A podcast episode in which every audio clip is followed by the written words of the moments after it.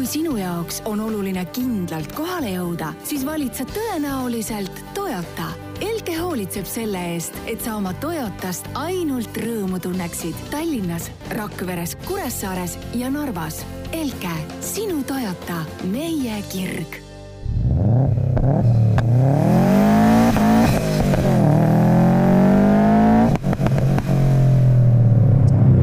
tervist, kolmapäev on käes ja sellega seoses siis istmesoojendus on ka jälle siin. täna oleme stuudios kolmekesi, mina, Jan-Mattias Mandri, minuga koos siin Veli Rajasaar ja siis Raido Rosenfeld Elkest.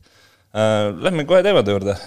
esimene teema, mis meil on, on autod, mis siis kõige kiiremini oma väärtust kaotavad ja see kogu teema pärineb siis sellisest autoväljaandest nagu Whatcar, kes viis läbi analüüsi siis UK-s Äh, ja kokku äh, pandi nimekirja kümme mudelit, mis siis äh, täna ostes kolme aasta pärast kõige rohkem enda hinnas kaotavad.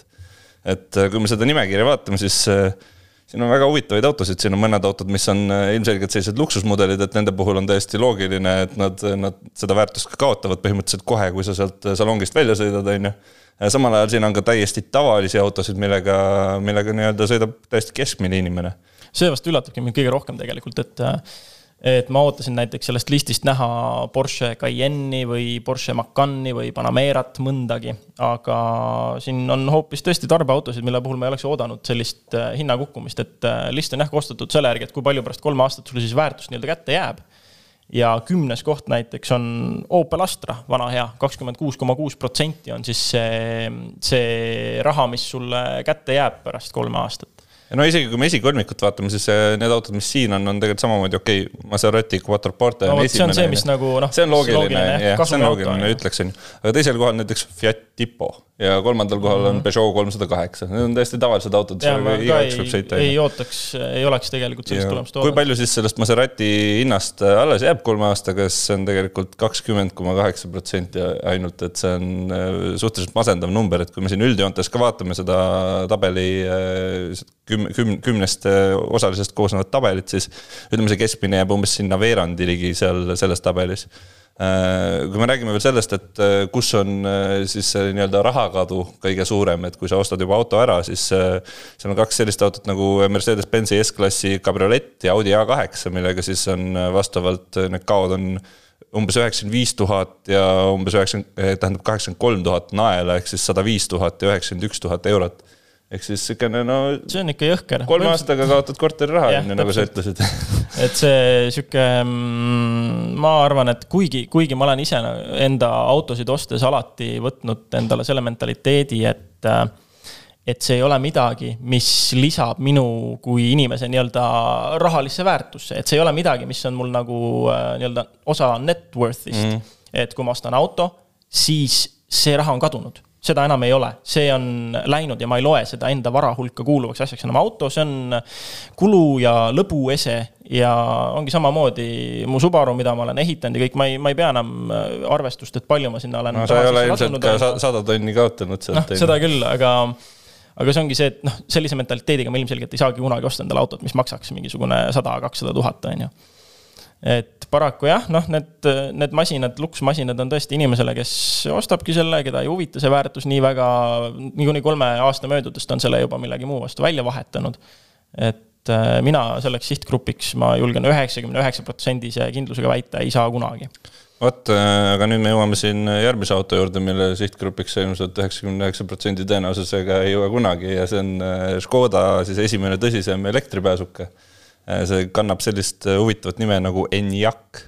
ma võin, äh, noh, vähemasti ma loodan, et selle auto pressile avalikustamisel siis mängib muusikat Enya ja, ja noh. tegelikult see, see nimi on ju, tuleb samast tüvest, et see nimi saabki, tuleb iiri keelest, tähendab seal lätet või elu, mingit allikat, midagi sellist, siukene seal... tavaline siukene deep äh, story ühe auto nime taga. ja, ja, ja see, mina näen seal taga ainult seda, et mis seal tagaistmel siis toimuma võib hakata igatahes igatahes rääkides siis sellest äh, autost, siis äh, Škoda on küll ka enne oma elektrifitseeritud mudeleid juba üllitanud, mis, millest me siin räägime, siin on mingisugused pistikhübriidid olnud, on ju.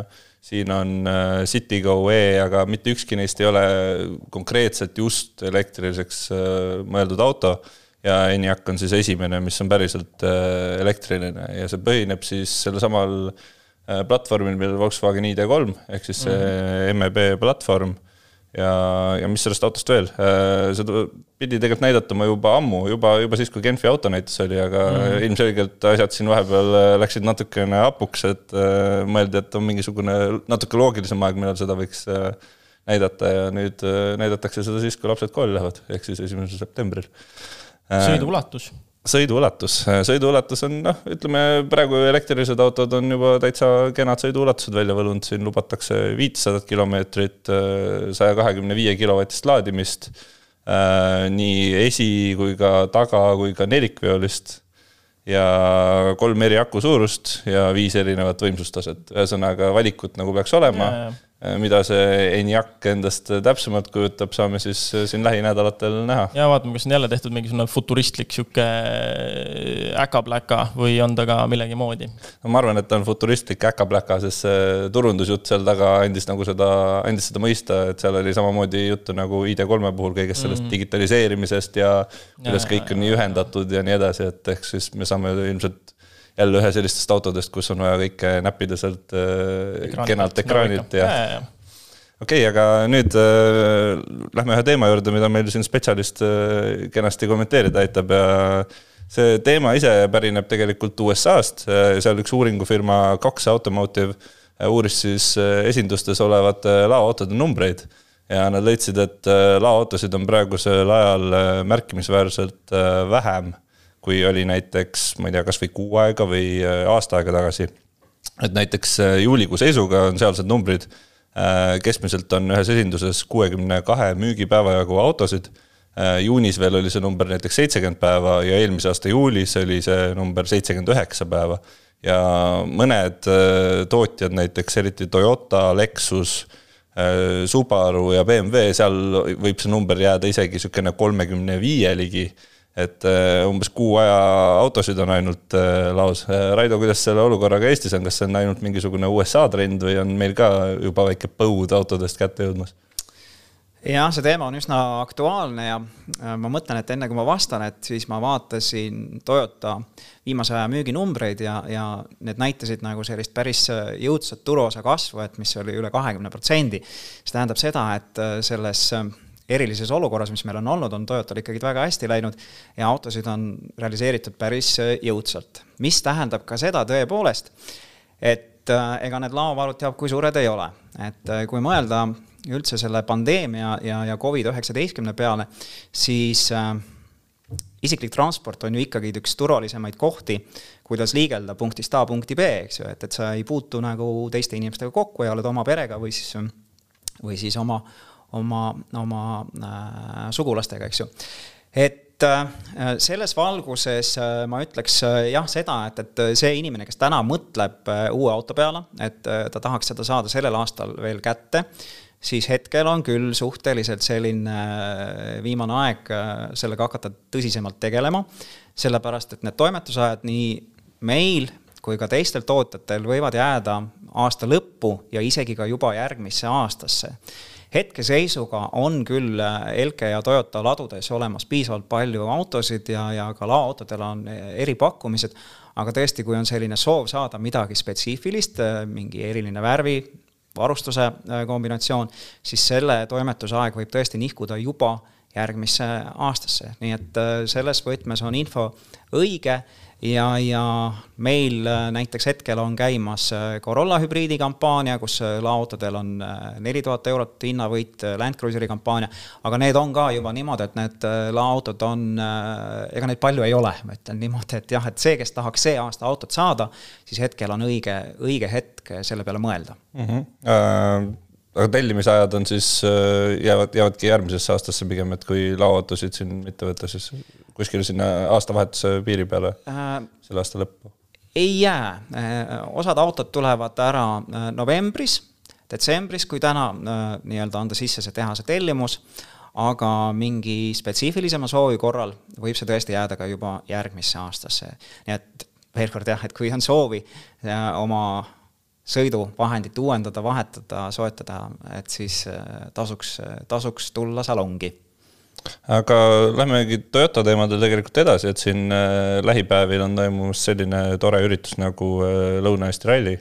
ja seoses sellega räägiks natukene Toyota nii-öelda kuidas öelda, erimudelitest või äh, Sportlik sportlikumatest jah. et äh, tegelikult Toyotal on ju neid palju, see on GR, siis on GRMN on ju, siis on GR Sport on ju.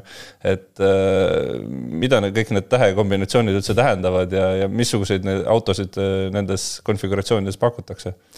jah, nendest tähtedest väga tihti ei, ei saada mm, aru, et, et kui rääkida laiemalt, siis GR on Gazoo Racing ehk siis äh, motospordi divisjon Toyotal, selle äh, divisjoni taga seisab selline mees nagu Akio Toyoda, kes on kirglik äh, võidusõitja, omab ka võidusõitja litsentsi, et kogu selline lai idee on see, et, et nendest WRC-st, kestvussõidust, Dakarist saadud kogemused kanda ka tavaautodesse edasi, et need autod oleksid mõnusad ja ägedad sõita, et, et äh, roolitunnetus oleks hea, et, et, et seda tehnoloogiat tuua tavatarbijale lähemale.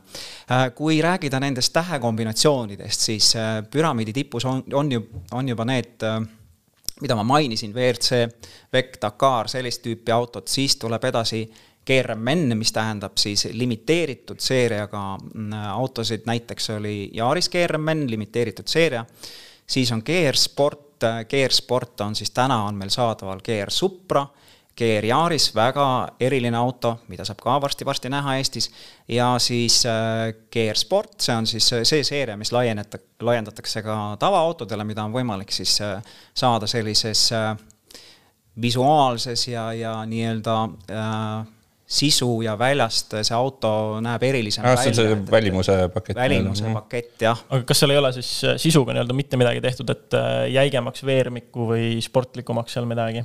Äh, kui rääkida sellest Gear Sport seeriast, siis seal ei ole. kui mm. rääkida Gear mudelitest, siis need on ikka väga erilised ja selle Gear mudeliga seoses Jan mainis juba WRC Rally Estoniat, siis seal saab näha ühte väga-väga erilist hot hatch mudelit, on GR Yaris. ja mis teeb selle GR Yarise väga eriliseks, on, on see, et, et äh, ta on tegelikult äh, B ja C platvormi peal olev äh, järskpära, kolmeliitrise turbomootoriga, võimsust kakssada kuuskümmend hobujõudu, kolmsada kuuskümmend väänet, viis koma kaks sekundit sajani. aga noh, need on lihtsalt nagu numbrid, iseenesest on sellel autol üle pika aja Toyota äh, Toyotal tagasi siis GT4 nelikvedu, on võimalik siis äh, LSD mm -hmm. silla mm, -hmm. lukud äh, ja, ja, ja kõik sellised asjad, et manuaalkäigukast, äh, ülikerge kere, kus on ka siis alumiinium ja carbon fiber materjale kasutatud, et see auto on väga-väga eriline. oota, aga sa ütlesid kolmeliitrine, sa mõtlesid vist kolmesilindriline? kolmesilindriline, kolmesilindriline see siis me räägime samast autost, ma korra hakkasin juba mõtlema, et see on mingisugune eri, erimudel veel, mingisugune kas, kas, kas see oli seesama, millega? seesama, millega väga tahaks sõita, oo oh, jaa. ei, see jah, nelikveoline GR Yaris ju, see on vist tõesti, nagu sa ütlesid, et äh, põhi on tegelikult, on ju, ta on teisele tehtud, ta on tegelikult madalam ja laiem ja ta päris nagu noh, ongi tegelikult Yarise, Yarisega seob teda pigem siis nagu nimi ja kerekuju, aga ta ei ole nagu tavajaarisega muus osas väga seotud ju?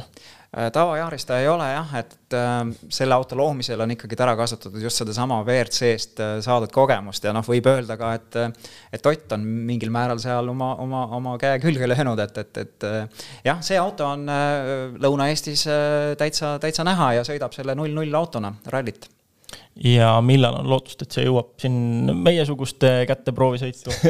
Sa tahad ikka oma kätte seda saada. Muidugi, kuule, kui arvestades, et GR-mudelid no, ja GRMN Lõuna-Eesti rallile ja, ja tuleb ilusti küsida ja küll antakse.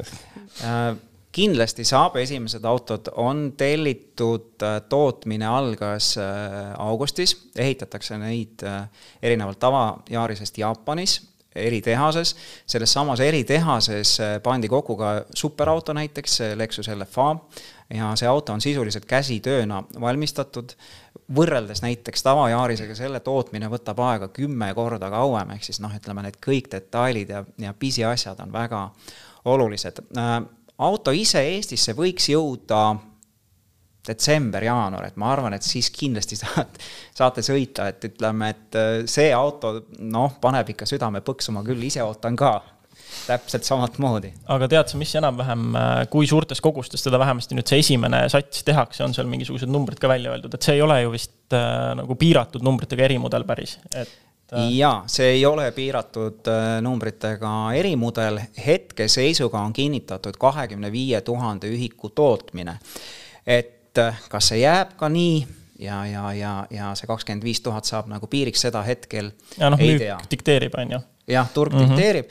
Äh, hinnaskaalast rääkides, äh, siis kolmekümne ühest tuhandest hakkab ta pihta ja, ja noh, ütleme sellistele tõsistele äh, võidusõitja, võidusõiduhuvilistele on seal näiteks Circuit pakett juures, kus on needsamad need äh, sildade diferentsiaalilukud ja mm, -hmm. ja, ja, ja sportlikum vedrustused, kõik siuksed asjad, noh näiteks veel üks fakt, päris huvitav, et äh, esipiduri kettad on jaariselt suuremad kui näiteks Supra, et noh, ta, see on väga eriline auto no ei jäägi siis midagi muud üle, kui no, Veli, Veli peab siin äh, kalendris hakkama neid ristikesi tegema, on ju. ei no ma ütlen täiesti salgamata, et vaadates seda, kui hea on äh, GR Supra ja kuidas ma siiamaani olen sellest vaimustuses, siis äh, ma olen enam kui kindel, et kui Toyota tuleb tagasi oma tõesti selle nelikveo, nelikveo mängu juurde, et see saab olema väga hea ja vaadates kõiki neid andmeid, tundub väga, väga äge masin. ja hinda samamoodi, et ma arvan, et see ma julgen küll väita, et see kakskümmend viis tuhat seal mingiks piiriks ei jää, et seda, see tõenäoliselt läheb, läheb hästi peale.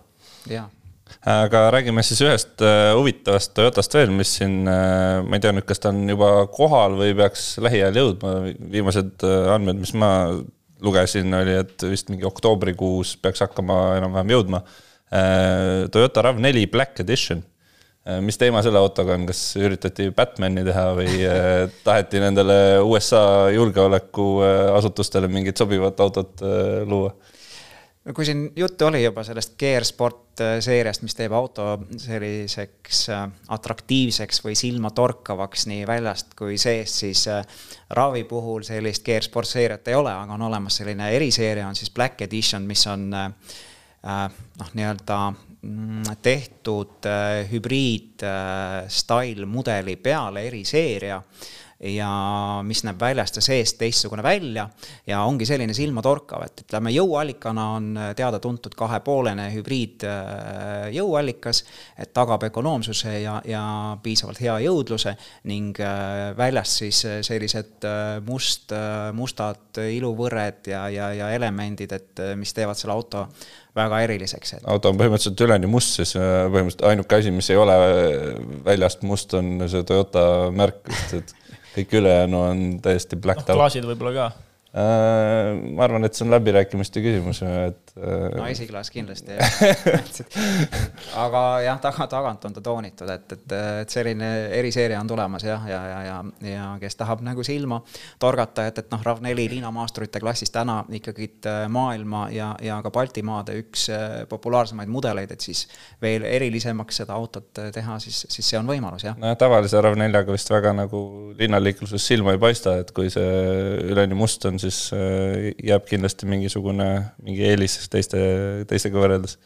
Äh, lõpetuseks äkki natuke täpsemalt Elkast ka, mis kampaaniad teil praegu käimas on, saab äkki midagi hooldada odavamalt, saab äkki? midagi, midagi juba mainisid. jah, siin oli Corolla, Corolla kampaania oli, on ju jah, oli juttu sellest äh, laoseisust, et täna ongi nendel laoautodel eripakkumised ja, ja kui seda auto kättesaamise vajadust või soovi on ikkagi sellel aastal, et siis, siis see on just õige hetk.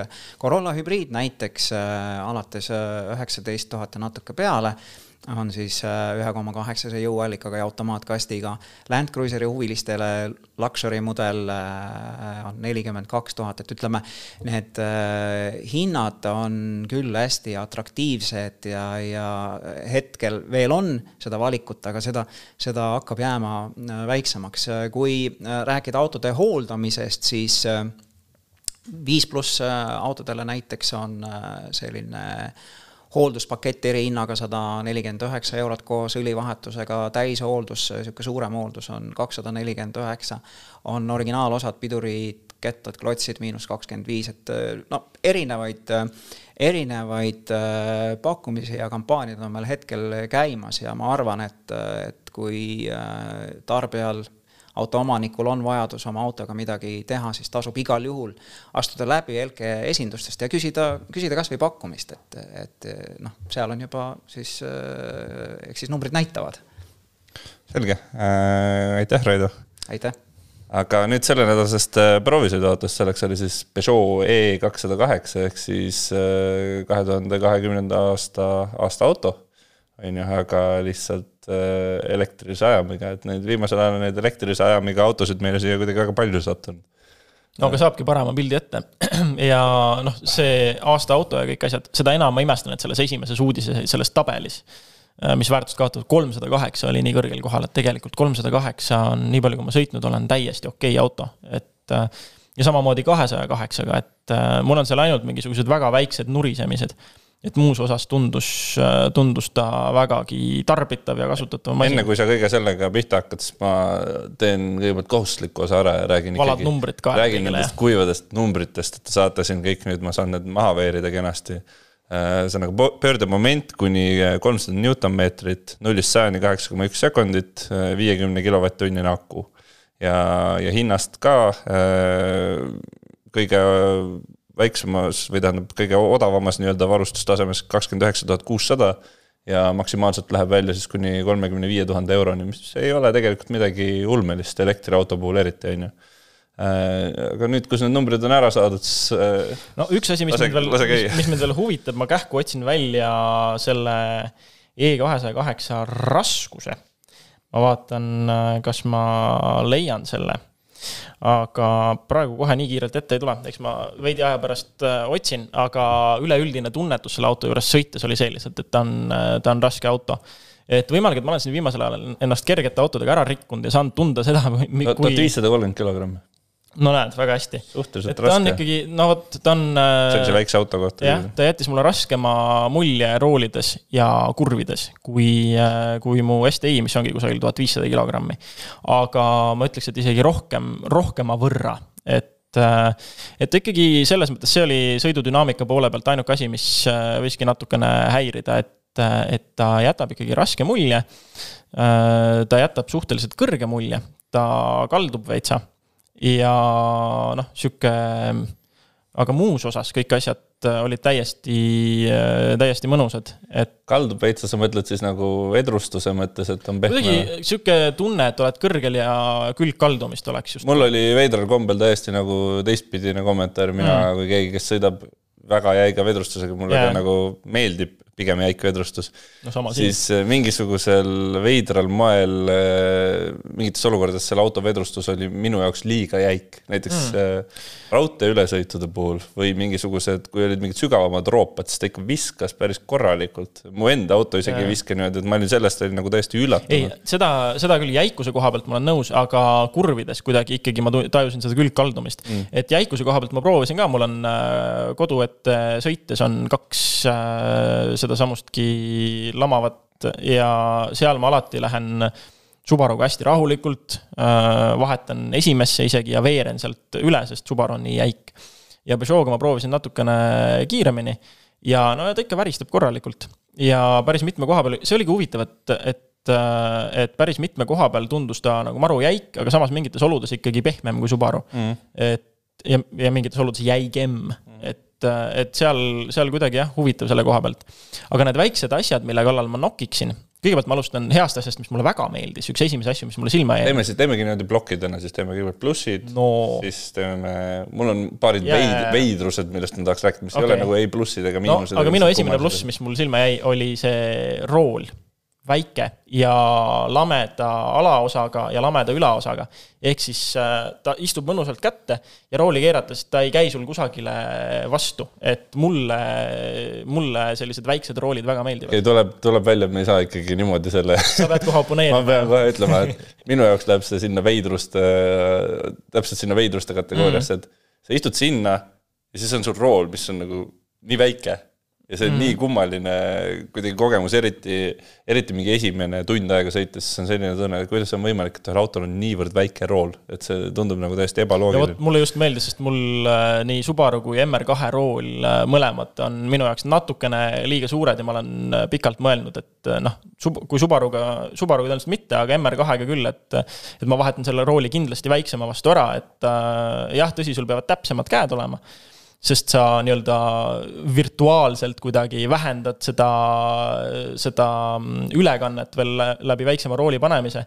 aga noh, see on lihtsalt sellises masinas must, aga fakt on see, et ma ei tee seda enne, kui seal on, on ju korralikud äh, rakmed ja asjad, mis sind kinni hoiavad, et enne kui ma nagu õhkpadjaga rooli sealt päriselt minema viskan aga tagasi Peugeot juurde, et, et mulle see väike rool väga istus, aga äh, mis mulle selle väikse rooli juures ei istunud oli see, mis sellega selles mõttes kaasa tuli, et äh, kui ma sättisin endale isteasendi ja kõik asjad paika, siis äh, see rooli kõrgus ja selle sättimine ja see, kui kaugele ta sisse sõidab ja välja tuleb, ta jäi kogu aeg äh, kuidagiviisi mingitele asjadele seal, äh, seal jah, täpselt. Mm et kogu aeg oli ülemine serv ikkagi varjas midagi ära, et isegi kui ma panin ta kõige madalamale, noh, siis ta oli lihtsalt ebamugavalt madalal.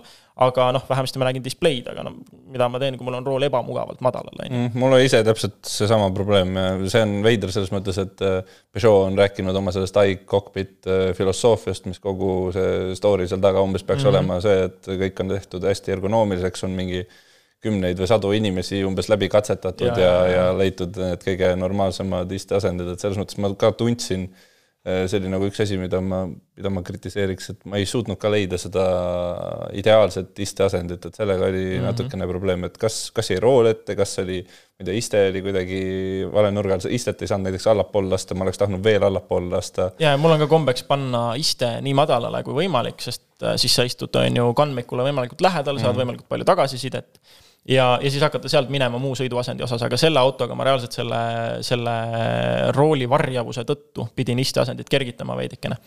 et see oli veidikene sihuke ebatavaline minu jaoks seni.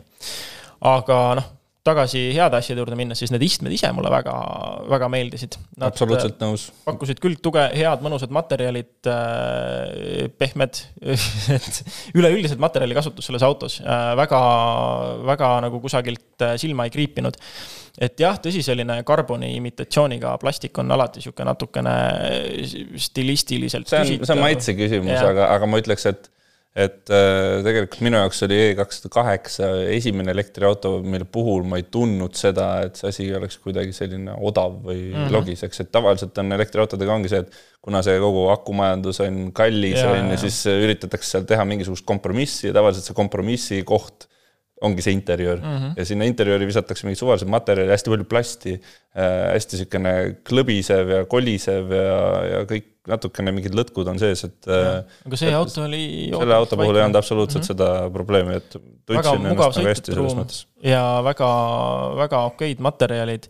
Äh, ainuke asi, mis jällegi, kui tahta nokkida ja see on juba peaaegu otsitud asi, on see, et kui sa noh, see koht, kus sul siis see armatuurlaud ja uksepaneel kohtuvad mm, -hmm. et siis seal mõlemal pool oli selline märgatav nagu ähm, noh, see oli treppis selles mm -hmm. mõttes, et et, äh, et see võiks siis juba nagu sujuvalt üle minna, et see ei hakka. nojah, mingi veider väljasopistus oli seal küll, jah. Äh, ma ütleks plusside poole pealt ühe asja veel, sõiduulatus, et ja. see on nagu väga positiivne ka samamoodi, et aga me oleme siin ka teiste puhul rääkinud, et tegelikult elektriautod on saamas täiesti nagu reaalseks no, asenduseks sisepõlemismootoriga autodele no,, et seal ei ole ju suurt vahet. jah, reaalsus on see, et see masin sõidab ühe laadimisega juba rohkem kui minu Subaru ühe paagitäiega.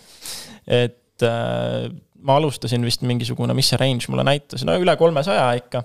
ja rahulikult sõites see vähenes aeglasemalt. tehniliselt ta peaks olema kolmsada viiskümmend, on ju, mhm. me mõlemad sõitsime ja ega siin nagu jäi ilmselt sinna veel sisse ka mingisugune sada kilti või? jaa, midagi sellist, et äh, ma eile sõitsingi veel temaga pikemalt ringi ja proovisin neid sõiduprofiile.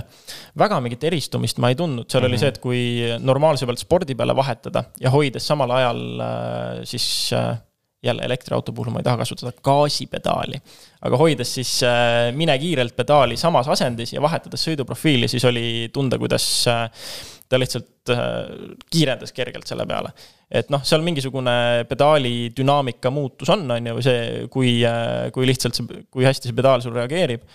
ja noh, tõenäoliselt annab sulle ka natuke rohkem siis Newtoneid ja asju varem kätte, et et ei. sõiduulatus ka vähenes, ma katsetasin sealt mingi kakskümmend, kolmkümmend kukkus kohe ära, kui ja, profiili vahetada.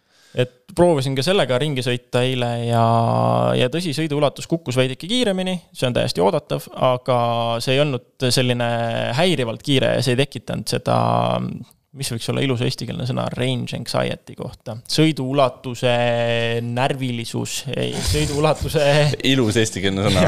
Sa, sa olid väga lähedal sellele. äh, ma räägin natuke nendest veidrustest, mul on kaks veidrust lisaks sellele no, roolile, millest ma veel tahaks rääkida, üks on need salongis olevad nupud.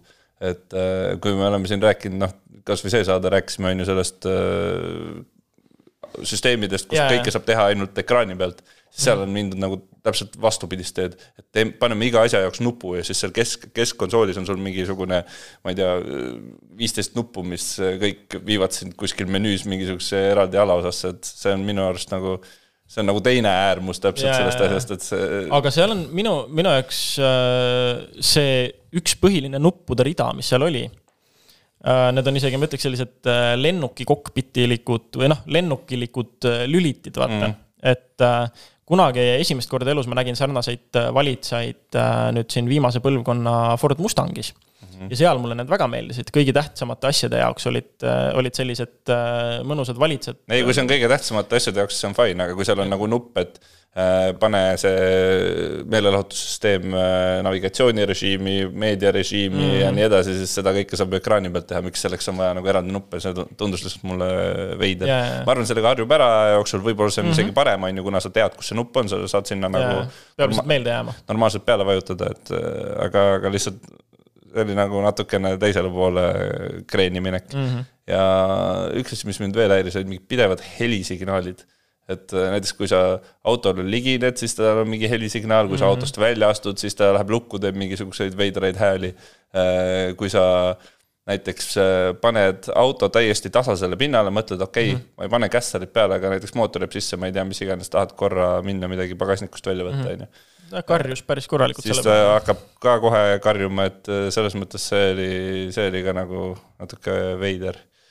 aga miinuseid on ka, mul on kaks miinust Äh, üks on äh, salongi üldine suurus, seal on mingid, ongi needsamad sopistused ja mm. mingisugused külgmised alad, mis noh, mugava isteasendi tegelikult leidis seal selles mõttes, et ei olnud mingisuguseid asju, mis vähemalt äh, kuskil põlvi oleks hõõrunud või midagi sellist, aga ruumi oli tegelikult vähe ja, ja sellega seoses ka teine miinus tagaistmel on ruumi ikka niimoodi, et eh, noh, ma mahtusin sinna istuma kuidagi mm., aga ega normaalne inimene sinna taha ei istu. ja, ja me panime ka lapse, lapse tooliga ja pidi seal kompromissi tegema küll eessõitja sõiduasendis veidikene.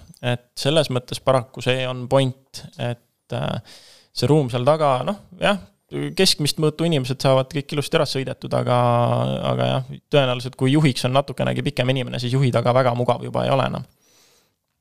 aga muus osas mina olen ikkagi positiivselt meelestatud selles osas, et kui ma lihtsalt mõtlen sellele, kui vähe on neid situatsioone näiteks minu elus, kus ma pean sõidutama koos endaga rohkem kui kolme inimest äh,, täismõõdus inimest siis äh, neid on suhteliselt vähe ja minu jaoks ikkagi see auto tundub selles mõttes praktiline, kasutatav ja elatav, et äh, sõidu ulatus toimib, äh, koostöö kvaliteet, midagi silma ei karju, midagi ei häiri, midagi ei nagise.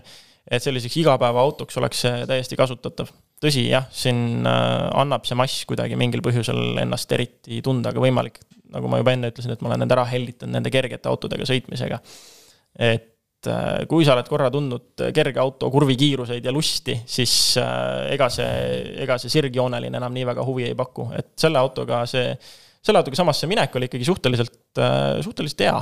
et kui pedaal põhja litsuda, siis ta ikkagi astub täitsa mahedalt edasi ja seda kuni ka maanteekiiruseni, ei ole nii, et ta maanteekiirusel kusagile nagu ära sureb äkitselt. no ütleme, saja kümne lõikudel ta ikka seal lõpus hakkas vaikselt juba kõngema. kusjuures mulle tundus, et tal on tehniliselt vist maksimaalne kiirus oli tal sada viiskümmend, nii et ega mm. ta oli, on juba selle saja kümne piiril on ja, kus, suhteliselt lähedal.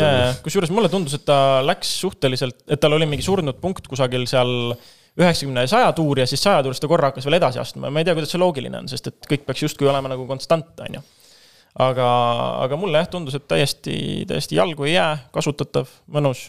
ma tunnistan ka, et see üks äh, väheseid elektriautosid, mille puhul mul on peast läbi vilksatanud mõte, et võib-olla elektriauto omamine ei olegi nii hull mõte Mm -hmm. et äh, selles mõttes äh, värskendav kogemus. jah, ja välimuse osas äh, täitsa, täitsa okei okay tegelikult selles värvilahenduses, mis äh, meile kätte sattus, meil oli sinine ja ta on siis musta värvi katusega. et äh, jätab täitsa niisuguse esteetilise mulje. efektne. aga ongi siis selleks korraks kõik ja loodetavasti kuulete meid juba äh, järgmisel nädalal täpselt samamoodi ja praeguseks jääb siis üle soovida ainult muretuid kilomeetreid teile kõigile